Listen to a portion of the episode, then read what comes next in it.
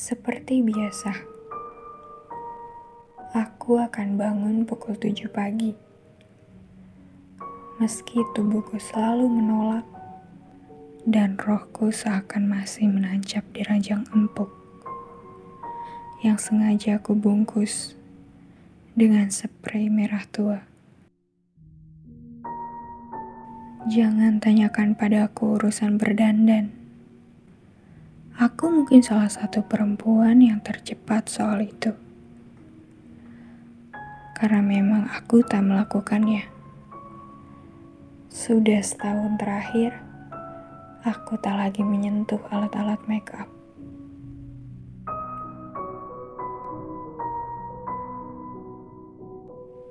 Aku selalu berangkat ke kampus sebelum pukul 9 pagi. Tak peduli jadwal kuliahku siang atau sore. Perpustakaan adalah tempat yang kutuju untuk menghabiskan waktu. Ingin kutamatkan semua buku di setiap raknya, hingga tak bersisa. Tak mengapa, karena tujuanku memang bukan membaca, tapi berusaha agar pikiranku ini tetap bekerja dengan semestinya.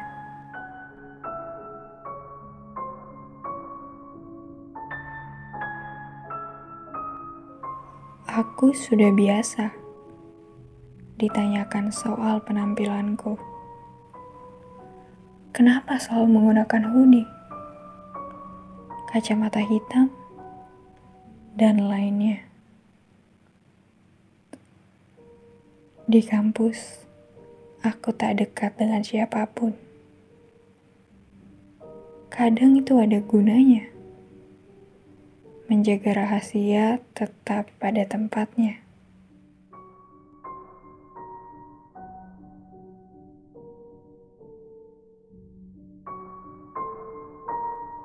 Aku akan pulang begitu perkuliahan selesai. Karena Rian, pacarku, pasti sudah menunggu di gerbang kampus. Dia mencatat jadwal pulangku setiap hari dan tak pernah datang terlambat. Kalau ada satu-satunya hal yang menurutku menarik di bulan ini, itu adalah seorang badut yang selalu kulihat di sebuah taman. Di seberang mall terbesar di kota ini. Jalanan di depan mall ini selalu macet. Entah kenapa Rian tak mau mencari jalan lain yang lebih sepi. Badut itu wajahnya seperti menyimpan sedih yang mendalam ada deraan yang tertanam. Aku tak tahu apa itu hanya riasan topengnya saja. Entahlah. Aku tak mungkin turun dari mobil lalu mendekatinya untuk memastikan. Yang jelas, aku punya cukup waktu untuk memperhatikannya dari kejauhan. Dia hanya duduk di situ, di sebuah bangku, menunduk dalam, dan sesekali menatap jauh ke balik awan. Orang-orang hanya lalu lalang di depannya. Mungkin kostumnya yang telah lusuh membuat dirinya tak menarik untuk diperhatikan.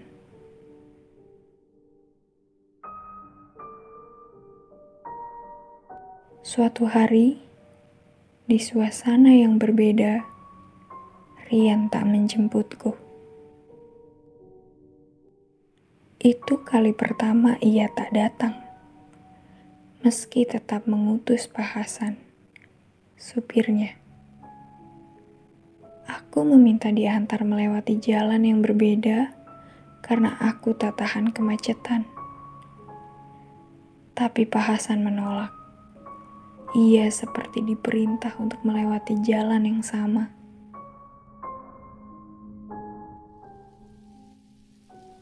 Sore itu gerimis. Burung-burung membentuk formasi lalu melintas di bawah awan hitam yang berbaris. Kulirik dari kejauhan. Dia tak ada di sana. Di bangku itu. Ke mana badut itu? Kemudian perhatianku tertuju pada kerumunan. Tak jauh dari taman itu. Kemacetan di depan mall makin menjadi karena sesuatu sedang terjadi. Entah kenapa, aku ingin sekali mengetahuinya. Apa yang ada di dalam kerumunan itu? Aku dan Pak Hasan sesaat saling memandang. Kuharap dia juga ingin mendatangi kerumunan itu. Tapi dia menggeleng pelan. Kemacetan sedikit beringsut. Dan aku pun mendapatkan celah dan sudut. Kulihat seseorang tengah dihajar oleh seseorang yang lain di dalam kerumunan itu. Tak ada satupun yang melerai. Mereka malah bersorak, berharap ada usus yang terburai. Tiba-tiba saja petir menggelegar. Kerumunan itu sedikit bubar. Kini jelas kulihat seseorang berkostum badut terkapar kesakitan. Sementara seorang laki-laki terus mendaratkan kakinya ke kepala dan perut si badut malang. Aku tak tahan. Aku tak tahan. Seolah-olah kaki dan tanganku digerakkan. Aku keluar dari mobil dan tak kuhiraukan lagi bahasa. Entah kenapa aku ingin sekali badut itu melawan. Aku ingin menyemangatinya untuk bertahan dan memberikan balasan.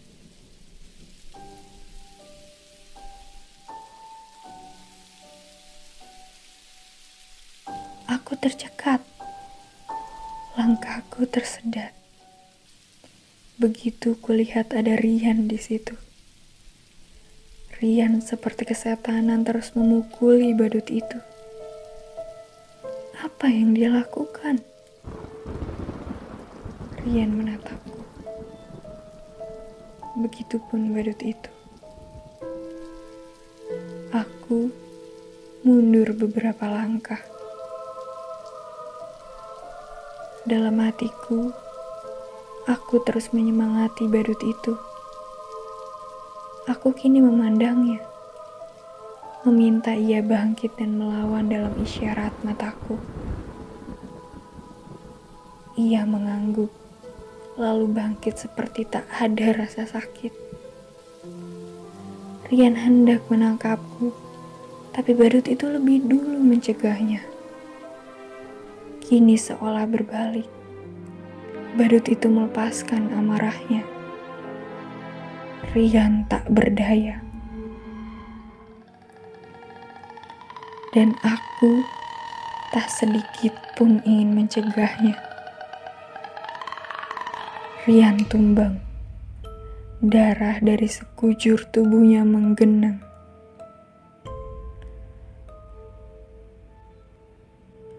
Lalu Hujan turun kian lebat, seiring badut itu datang mendekat.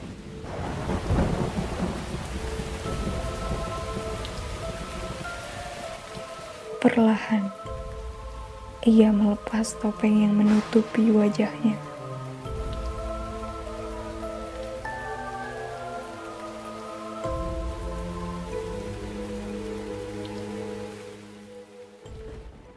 Kulihat wajahku sendiri di sana, di balik topeng badut itu.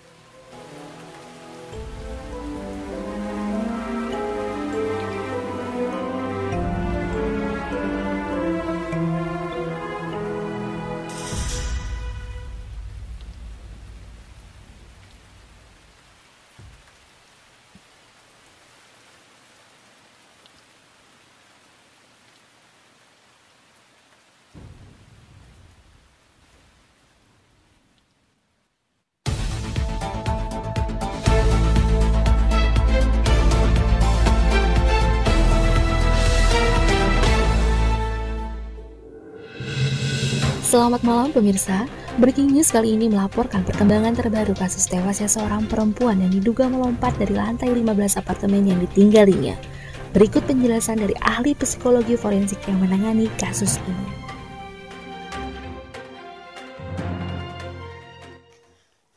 Jadi korban ya korban uh, perempuan berinisial R uh, berumur 21 tahun dan masih tercatat sebagai seorang mahasiswi di salah satu perguruan tinggi uh, dan berdasarkan hasil penyelidikan dan pengumpulan data termasuk beberapa keterangan yang kita peroleh kita menemukan bahwa korban punya riwayat pemeriksaan uh, penyakit mental yang cukup panjang ya, selama ini dan di mana korban didiagnosa mengalami atau uh, mengidap identitas disosiatif gangguan identitas disosiatif atau yang uh, lebih dulu kita kenal dengan kepribadian ganda.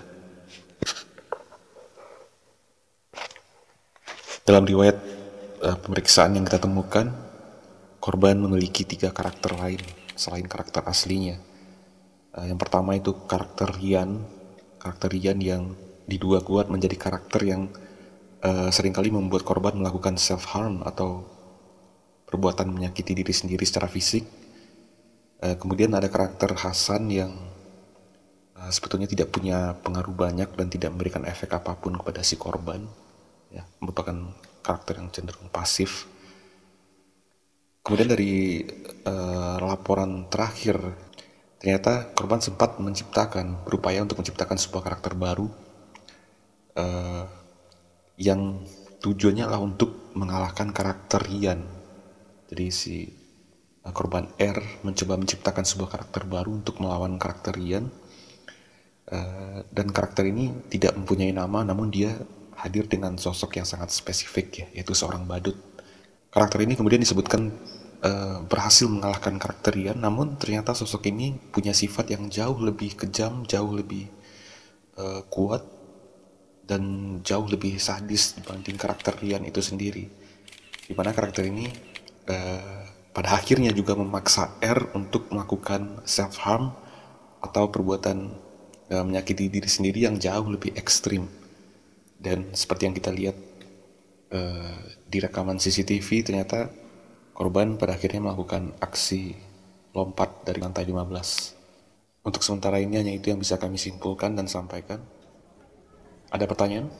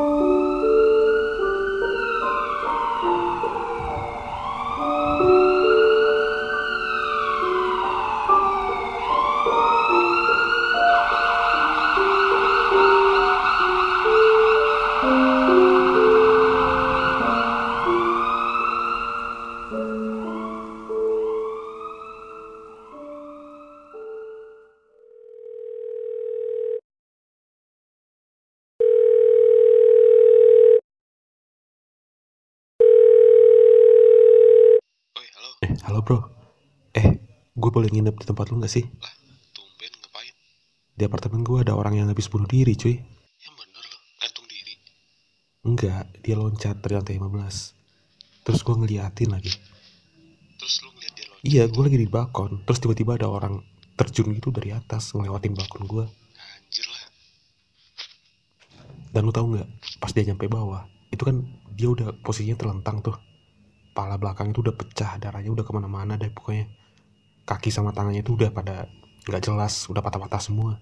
Dan yang gue nggak bisa lupain, dari lantai tiga, pas gue ngeliat ke bawah, dia ngeliat gue lagi ngeliatin dia. Dan lu tau nggak, terus dia di saat-saat sakratul maut itu dia masih sempet senyum ke gue. Dan itu kayak senyum yang senyuman yang lebar gitu loh kayak senyum badut Pal halo. Paldi. Paldi Pal hey halo